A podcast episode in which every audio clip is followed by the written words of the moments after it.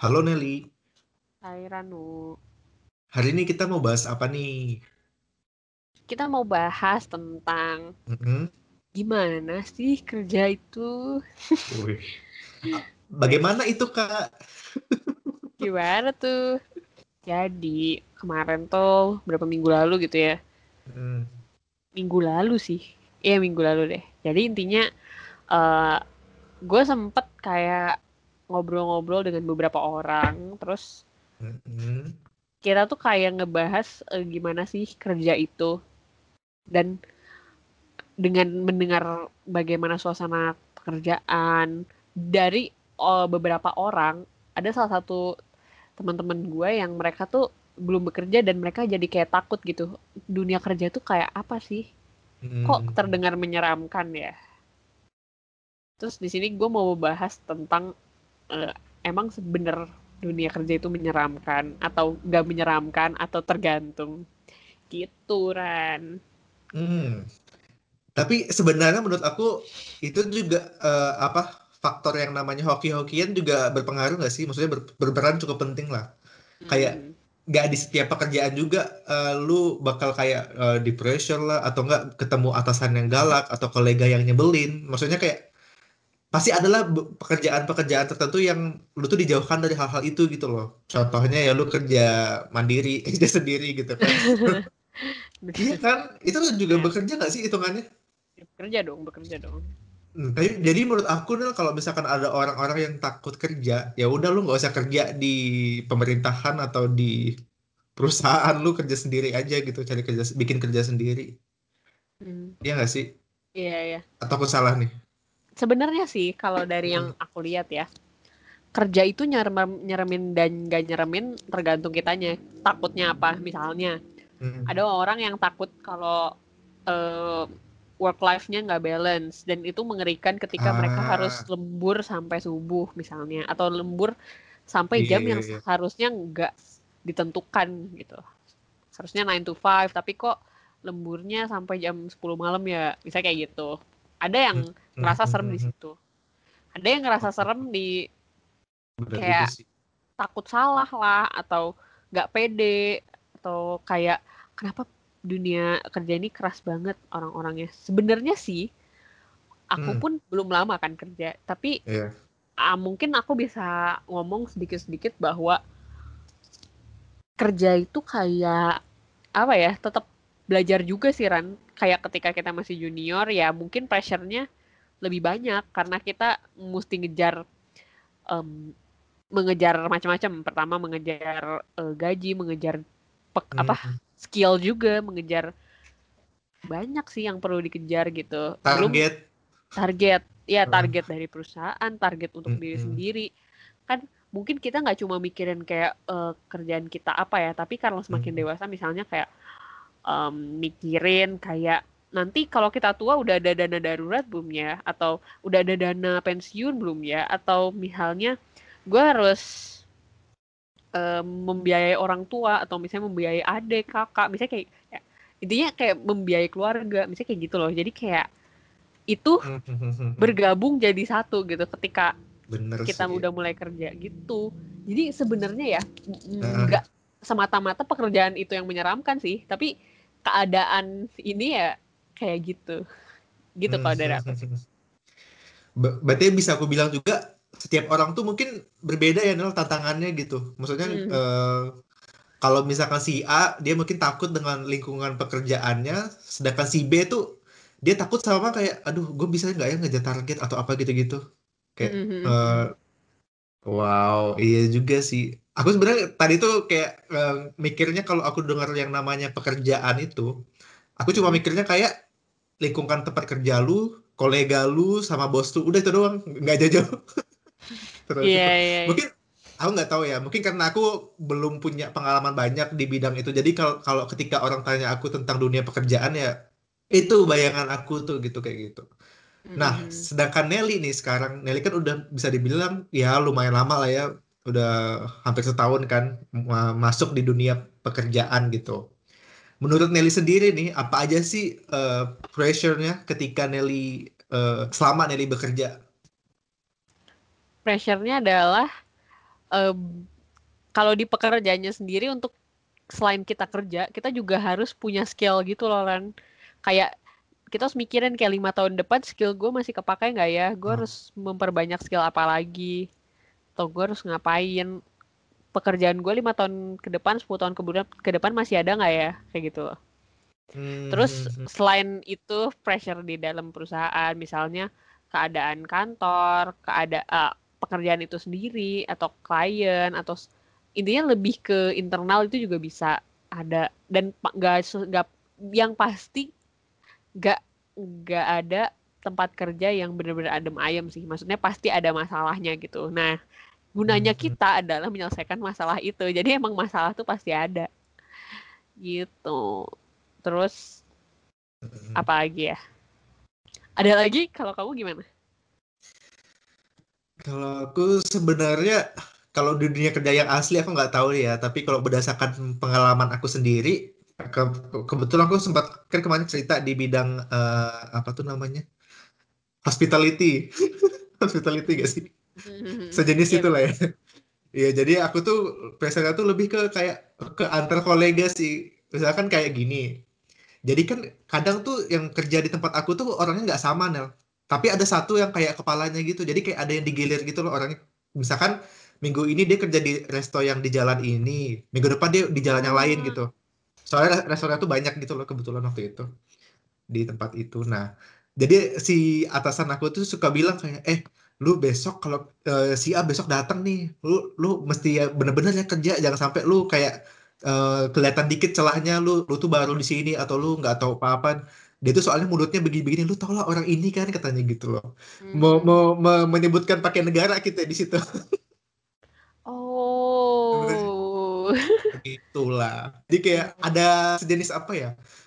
Bukan diskriminasi juga sih. Cuma kayak dia tuh melihat kebanyakan orang dari negara itu tuh kok begini ya gitu loh. Nah, ya itu salah juga sih sebenarnya. Cuman dia ngasih tahu tuh lihat cara seperti itu Nel. Jadi dia bilang kayak besok kalau dia datang lu jangan sampai kebanyakan duduk atau lu lu pokoknya harus kelihatan kerja aja. Soalnya dia tuh mulutnya tuh ngerocos gitu loh. Terus kayak um, penjilat lah gitu sama si bos gitu kayak gitu-gitu sih lebih ke arah situ nah kalau di apa pressure di tempat aku tuh apalagi kan aku orangnya tuh kayak agak malas ya ya ketemu orang baru terus terus kayak agak malas bersosialisasi juga kan orangnya hmm, yeah. nah dan aku tuh dituntut buat banyak-banyak bersos bersosialisasi gitu jadi kayak ya ada tantangan tersendiri lah buat aku dan ya ketika itu aku kerja di sana ya lumayan enjoy sih untungnya gitu jadi kayak banyak pengalaman baru juga gitu yang bisa aku terapkan mungkin di pekerjaan yang sebenarnya nanti gitu itu doang hmm. sih Wah.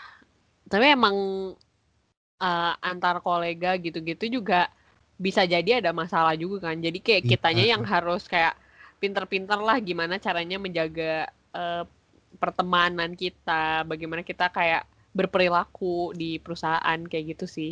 Betul. Oh, dan kemarin itu kayak gue uh, kayak baru merasa sih ada ada dua tipe orang atau ada dua mungkin ada dua tahap dalam kehidupan gitu.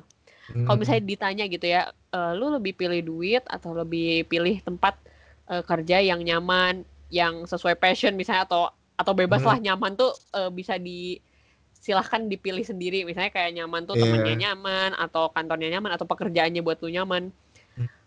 kalau kalau gue baca-baca dari orang dan setelah gue pikir-pikir ini make sense adalah ketika kita umur 20-an hmm. atau masih mengejar apa namanya mengejar uh, jabatan Duit. jabatan, oh, jabatan tuh atau maksudnya ini jabatan tuh skill yang kayak menaikkan uh, misalnya kayak dari junior jadi senior yang kayak gitu loh Ran oh, men menaikkan tingkat itu pasti mikirnya tuh duit juga ngerti gak sih kayak mm-hmm. kan lu nyari tingkat meningkatkan gaji meningkatkan income meningkatkan skill gitu kan itu bisa dibilang tuh masuk ke duit gitu menurut gue terus tapi ketika kita udah settle mungkin ya ketika eh, orang-orang udah kayak merasa oh umur gue misalnya udah 40 atau 30-an akhir misalnya gitu ya mereka kebanyakan akan memilih untuk tempat kerja yang nyaman buat mereka. Entah mereka bisa work life balance entah mereka bisa mengatur pekerjaannya sendiri kayak gitu sih. Jadi kayak ketika kita udah berada di satu posisi tertentu ya udah eh, biasanya orang tuh akan lebih memilih kenyamanan gitu. Betul juga sih masuk akal menurut aku kayak yang kalau masih muda tuh kan kayak lu masih ber, semangatnya tuh juga masih berapi-api gak sih? Lu kayak wih gue, hmm. gua yang mana semua orang ya pasti tahu dong uh, tujuan utama dari kerja tuh apa gitu kan. Ya lu bisa menghidupi diri lu sendiri kan. Otomatis itu juga berkaitan erat sama yang namanya uh, apa uh, jabatan. Jabatan juga berkaitan erat dengan yang namanya skill. Nah, ya aku juga setuju sih kayak di masa-masa yang masih apa masih ya dalam tanda kutip masih muda lah gitu. Kita mengejar hal itu gitu loh. Sedangkan nanti pas udah tua kita baru kayak lebih kayak slow down lah gitu kayak apalagi sih yang dikejar gitu. Ya itu mungkin kayak rata-rata orang di dunia kayak seperti itu juga sih menurut aku. Mm. Iya ya, make sense sih buat aku juga. Uh, tapi kalau aku nih ya, aku pribadi kalau ditanya sekarang di antara duit apa tempat yang enak, aku sih kayaknya tempat yang enak sih. Hmm. Soalnya aku mikir kayak misalkan kalau lu kerja di tempat yang enak, enjoy, lingkungannya enak, orang-orangnya enak, terus juga uh, apa sesuai dengan passion lu, otomatis lu tuh kayak apa ya lebih termotivasi gitu. Kehidupan lu tuh secara mental juga lebih sehat dan lu juga nggak bakal nggak kekurangan duit kan. Dan, maksudnya kalau misalkan lu kerja di tempat yang yang enak kan nggak berarti lu pasti gajinya kurang nggak sih? Pasti gajinya mencukupi lah at least gitu. Kalau misalkan nggak nggak tinggi juga. Nah sedangkan kalau lu butuh pemasukan yang lebih gede ya lu bisa cari kerja sampingan gitu loh. Kerja sampingan lain yang mana lu eh, nggak uh, kerja sama orang kayak atau lu kerja kerja secara mandiri gitu loh buat dapat pemasukan tambahan. Hmm. itu sih menurut aku kayak lebih make sense dibanding lu cuman kayak duit tapi lu under pressure anjir. Kayak lu uh, lingkungannya nggak enak, lu gampang stres, yang mana tuh bikin mental lu tuh nggak sehat. Kalau mental lu nggak sehat, berarti tubuh lu secara fisik juga otomatis juga nggak sehat gitu loh. Iya, yeah. ini make sense banget sih ketika masalah kesehatan tuh jadi pem, hmm. apa namanya kita pertimbangkan juga. Soalnya yeah. jujur ya, hustle culture itu membuat masalah kesehatan tuh jadi nggak gitu dipikirin. Ngerti gak sih kayak yeah kembali lagi ke hustle culture yang kita pernah omongin hmm. karena um, aku ngobrol sama beberapa teman mereka ada yang kayak nggak tidur kerja stres marah-marah misu-misu ya, hmm. ya kita tuh kayak diperbudak oleh eh, perasaan-perasaan itu padahal kan sebenarnya kalau berangsur-angkur kayak kurang baik juga nggak sih Ran kitanya juga yeah. jadi harus apa kitanya juga masalahnya awarenya harus dari sekarang karena nanti dampaknya tuh nanti gitu. Gue pun kemarin waktu jadi kemarin tuh gue sempet kayak uh, terapi sama salah satu ibu-ibu yang bisa aku puntur. Terus kayak ibu tuh bilang kamu tuh terlalu overthinking. Si ibunya saya tahu gitu. Kok dia bisa tahu sih? Iya tawuran sumpah. Wow. jadi misalnya gue tuh di uh, eh, gue misalnya tangannya dipijat atau kepalanya dipijat gitu kayak mereka dia langsung kayak ngomong kamu, kamu jangan tegang ya kamu tuh terlalu overthinking kayak dia tahu kan. Tahu serem gitu. juga ya. Makanya kayak udah tenang. Uh. Nyokap gue pun sempet ngomong gini kayak lu tuh kerja untuk makan jadi jangan gak makan karena lu kerja. Make sense kayak. Eh benar juga sih Jangan sampai lu menyesal di kemudian hari gitu ya. Iya, Max. Iya, benar. Toh juga ketika lu lu sakit belum tentu juga gitu loh uh, perusahaan atau kantor lu peduli sama lu ya enggak sih? Aku nggak tahu sih ya, cuman kayak ya please lah gitu utamakan dulu kesehatan lu pribadi baru urusan yang lain gitu. Terus ya makanya itu jadi kayak orang hmm. jadi mikir kan kalau misalnya mereka mau kerja mandiri atau mau kerja mereka punya asuransi juga selain BPJS gitu. Itu juga hmm. benar-benar pertimbangan penting sih Ran. Soalnya gue ngobrol-ngobrol sama beberapa temen gue mereka juga udah kayak mulai iya gue punya asuransi iya gue mau nyari asuransi. Kayak kita semua tuh berpikiran ke arah sana gitu. Karena penting banget. Setelah gue bukan setelah sih kayak gue ngelihat keadaan oh asuransi itu bener-bener kayak walaupun ya kalau pilihan asuransinya yang mana itu bebas terserah. Cuman maksudnya seenggak-enggaknya kita tuh nggak nggak yang kayak misalnya tidur malam tiap hari terus kita stres terus kita nggak ada backup gitu menurut gue yeah. sih iya, gitu. iya. Sih. Iya bener sih, aku tapi bukan berarti gini ya, kalian punya asuransi otomatis kalian bisa eh, sering begadang, sering lembur atau oh apa. iya iya iya iya iya please jangan Itu juga sih iya, heeh.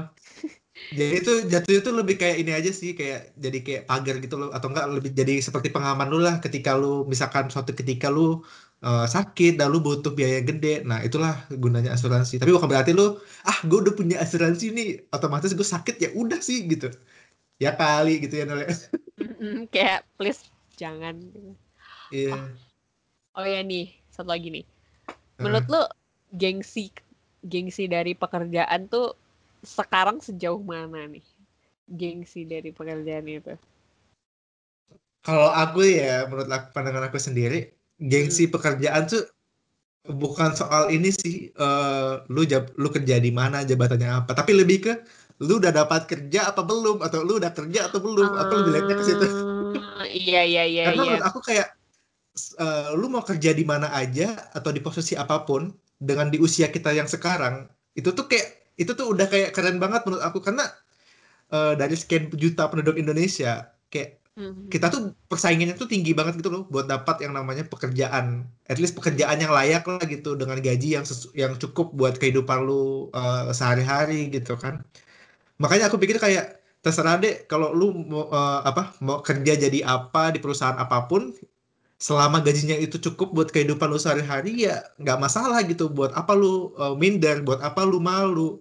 Yang malu itu kalau lu misalkan eh, misalkan udah lulus nih terus kayak 6 tahun 8 tahun lu nggak dapet kerjaan. Nah itu mungkin agak gengsi wajar lah kali ya gitu. Soalnya udah lama banget kan nggak dapet kerjaan.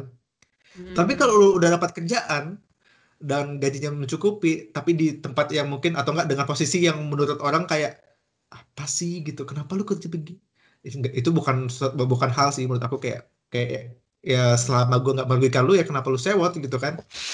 Intinya gue dapat kerjaan gitu. Gitu Mhm, doang mhm. sih pandangan aku nih. Bener juga sih Ran. Kayak sebenarnya punya pekerjaan sendiri itu adalah kayak udah privilege udah Iya, udah sebuah yang hal yang perlu disyukuri gitu. Itu bu- bukan maksud gua kalau lu pengen pindah kantor karena nggak betah itu lu salah atau gimana ya bukan eh, bukan gitu maksudnya tapi maksudnya kayak eh, kalau merasa gengsi ya ya maksudnya beda ya konteksnya sama misalnya eh, Eh. misalnya gue pengen ganti kerjaan karena gue merasa pengen belajar hal baru atau gue merasa Hmm. eh, nggak cocok sama kantornya itu ya ya udah ya itu bebas itu Ya. pilihan cuman maksudnya kalau masalahnya gengsi itu kayak jangan gara-gara gengsi doang lah gitu maksudnya gengsi sih bagus ya untuk kita berusaha. Cuman eh, gengsi tuh kayak apa ya sesuatu yang sebenarnya nggak segitu pentingnya sih. Ngerti gak sih? Iya, kayak ngerti kan? Hmm. urgensinya tuh nggak ada gitu ngerti gak sih? Kayak urgensinya tuh nggak ada gitu. Menurut gua menurut gua ya kalau menurut orang lain beda ya bebas. Kayak eh gue jadi inget deh Ran gue gue Heeh. baru nonton film Korea nam Heeh. fi- apa drakor namanya eh, Law School. Jadi di keluarga itu isinya semuanya hakim. Hmm. terus ada salah satu anaknya eh, bapak ini dia jadinya dosen. Tapi dosennya dosen dosen hukum juga. Jadi walaupun dia nggak hakim dia dosen hukum. Terus kayak keluarganya kayak istrinya tuh kayak gini kayak cuma kamu doang yang bukan hakim di sini. Hmm. aku tuh malu. Anak kita harus jadi hakim. Begini kayak gitu. Terus kayak gue kayak padahal tuh hidupnya nggak nelangsa juga kan. Maksudnya rumahnya tetap memadai anaknya juga bisa sekolah di sekolah bagus yang sekolah dia juga dosennya dosen eh, wakil dekan gitu. Jadi bukan yang kayak bukan Hmm. yang kayak eh, dia tuh nelongso gitu enggak gitu. Dia juga jabatannya tinggi di di kampus itu. Tapi enggak istrinya tuh pengen dia anaknya hakim dia juga hakim. Karena cuma dia doang yang nggak hakim. Ya itu gengsi sih ya kan? Maksudnya Iya, iya. cuman kayak serem cuy Iya sih, dan cuman memang terkadang tuh ya eh apa selain diri kita sendiri, ambisi itu datang dari keluarga gitu nah. Misalkan kayak semua keluarga kita nih eh dokter, cuman elu yang nggak dokter gitu kan. ini contoh ya ini contoh doang Iya, contoh. Atau enggak eh, PN, semua keluarga kita tuh PN. Kenapa lu lu sendiri nggak PN gitu kan? malu nih Hmm. mama misalkan kayak gitu pasti ada sih at least keluarga Eh, keluarga di luar sana lah gitu ya. Ya tapi itu agak susah sih nah kalau misalkan datangnya dari luar ya itu kayak jadi pressure tersendiri terutama apalagi kalau dari orang tua ya. Kayak jadi serba salah nggak sih? Kayak anjir apakah gue menjadi anak yang durhaka kalau gue tidak mengikuti eh, apa namanya eh, tuntutan orang tua gitu kan. Tapi Hmm. ya kita tuh juga nggak semata-mata kayak mesti lihat kemampuan kita juga gitu loh. Nggak semata-mata hanya karena mereka ingin kita jadi misalkan eh, A atau si B atau apa gitu atau nggak lihat anak tetangga lagi. Nah kita harus mengi- mengikuti gitu loh. Kayak mesti memaksakan diri. Kan itu juga sesuai kemampuan juga nggak sih? Kemampuan secara finansial atau enggak kemampuan secara akademik kita gitu. Apakah mumpuni gitu buat ke sana. Ya kalau enggak ya ya realistis aja lah gitu loh. Maksudnya kayak yang sesuai dengan yang lu mau sesuai dengan kemampuan kalian gitu itu menurut aku lebih masuk akal sih ketimbang lu mikirin gengsi dari tetangga kah atau dari keluarga lu mungkin yang kayak apa maksa lu nyuruh jadi apa jadi apa gitu loh gitu Hmm. sih Sebenarnya mungkin kalau dasarnya bukan gengsi ya, itu mungkin bisa di mungkin misalnya misalnya kayak ya ada urgensinya lain ya mungkin masih bisa dipikirkan Iya, gitu. Karena misalnya iya, iya. misalnya duitnya cuma cukup untuk sekolah di tempat yang ini misalnya gitu. Ya itu ya udah mau Iya, gimana gitu. iya. Cuman ya kayak kalau gengsi tuh menurut gue sih belum urgensinya tuh kurang gitu. Kurang urgen untuk dilakukan kalau menurut gue kayak gitu sih. Iya sih. Iya. Dan juga ya baik lagi kalian juga sih sebenarnya kayak kalian tuh kerja buat apa sebenarnya gitu loh. Apakah buat Hmm. menyenangkan hati orang lain dan mata orang lain atau menyenangkan diri kalian sendiri. Itu doang sih Mm-mm. kuncinya gitu. Iya, iya. Tapi BTW nih ya, ngomong-ngomong eh, soal kesenangan eh, Hmm. diri kita dengan dunia pekerjaan, Mm-mm. aku mau nanya nih sama Nelly kayak eh, Hmm. Nelly pasti waktu awal-awal kerja kan butuh yang namanya adaptasi gitu kan. Kayak Benar. kayak setiap orang pasti gitu nggak sih? Kayak lu di tempat yang baru, lingkungan baru. Nah, Mm-mm. cara Nelly buat eh, bisa betah kerja gitu sampai sekarang tuh apa tipsnya? Mungkin Nelly bisa memberikan tips ke kita-kita yang sedang eh, galau mencari pekerjaan atau di semester-semester tua gitu nih. Mm.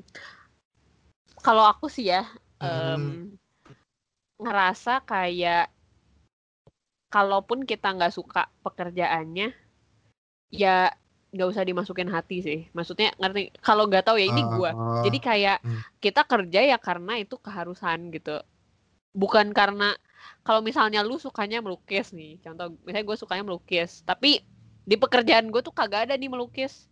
Ya gue melukis di saat Hmm. free gitu. Bukan berarti jadi emang gue bukan sampai sekarang sih gue nggak yang kayak passion gue adalah di eh, pekerjaan gue bukan yang kayak gitu. Gue emang ngerasa pekerjaan gue adalah pekerjaan aja gitu. Ngerti gak sih? Kayak Iya, iya, iya. jadi gue nggak ambil pusing gitu loh soal masalah passionnya kalau kalau dari gue sendiri. Tapi ya kebalik lagi ke diri sendiri. Nah gue betah kerja karena itu gue nggak ambil pusing sih. Ya make sense gak sih? Make sense, make sense. ya make sense kan? Ya kayak gitu. Hmm.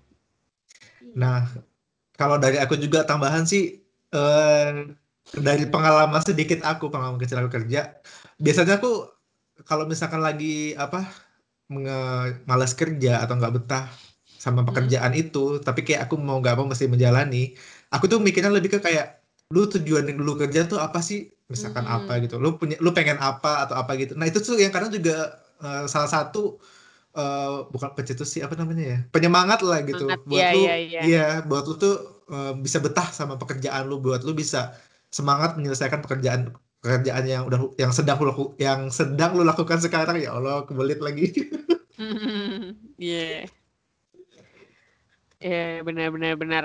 Misalnya ya emang kita lagi BU nih butuh uang, ya Iya. udah demi demi itu demi itu demi gitu itu misalnya. gitu loh nggak mungkin kan eh, apa lu kayak anjing gue nggak betah nih sama pekerjaan ini tapi eh, masa iya lu tiba-tiba ninggalin pekerjaan itu sedangkan orang berjuta-juta orang di luar sana eh, bun- ibaratnya nih ya gondok-gondokan gitu bunuh-bunuhan buat dapat kerjaan gitu itu sih Hmm. yang mesti kita pikirkan lagi jadi kayak seben- sebenarnya tuh kayak agak klise sih sebenarnya kayak yang apa Mm-mm. ketika lu sudah mendapat pekerjaan lihatlah ke bawah kayak gitu-gitu kan tapi kayak itu tuh fakta gitu loh kayak eh, lu jangan sampai melepaskan burung yang udah lu genggam gitu loh buat mendapat burung yang lebih bagus gitu kan kayak buat apa hmm. juga gitu kan lu tuh lu tuh bisa dibilang salah satu orang yang punya privilege lah gitu di dunia ini anjir. Kecuali apa Nel?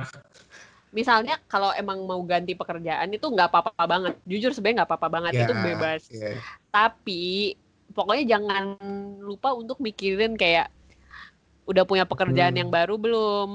Nah. udah punya dana darurat belum? Gimana kalian apakah kalian siap untuk uh, untuk adaptasi lagi untuk keluar yeah, yeah, gitu kan pasti kan adaptasi yeah, juga kan kembali lagi dari nol gitu uh. pokoknya ya jangan lupa bahwa tanggung jawab lu tuh bukannya hilang ketika lu ganti pekerjaan tanggung jawab yes. lu tetap ada gitu ya sama aja tetap yeah. ada iya. cuman ya berubah gitu betul itu doang sih kayaknya yang lihat uh, apa cerita kita hari ini percakapan yeah, kita yeah. hari ini Iya, jadi intinya sebenarnya uh, lu mau kerja apa pun, uh, itu tuh pasti ada apa ya tantangan dan kendalanya tersendiri lah. Mau mau lu kerja sendiri juga pasti ada kendalanya. Entah itu sama klien lu lah, entah itu sama diri lu sendiri lah pekerjaannya gitu kan. Mm-hmm. Tapi yang pasti selama lu enjoy sama pekerjaan lu, meskipun itu mungkin nggak sesuai dengan passion lu, karena ya nggak semua orang punya privilege itu kan buat kerja sesuai dengan passionnya. Ya ya udahlah gitu jalani aja gitu selama lu suka dengan lingkungannya, selama lu oke-oke aja sama kolega lu, apalagi lu punya teamwork yang bagus misalkan di perusahaan lu. Itu tuh udah salah satu keuntungan besar sih buat lu gitu loh buat bertahan di sana gitu. Itu doang sih pesan dari aku nah dan pikirkan juga faktor eh, faktor-faktor lain maksudnya jangan hanya uh, karena emosi sesaat ya kalau mau keluar Betul. kerja atau pilihan-pilihan itu harus pakai kepala dingin dan itu bener-bener gitu emang harus kayak gitu cuy sebaiknya kayak gitu gitu iya So, uh, sekian dulu episode kita kali ini. Sampai jumpa minggu depan. Ciao. Ciao.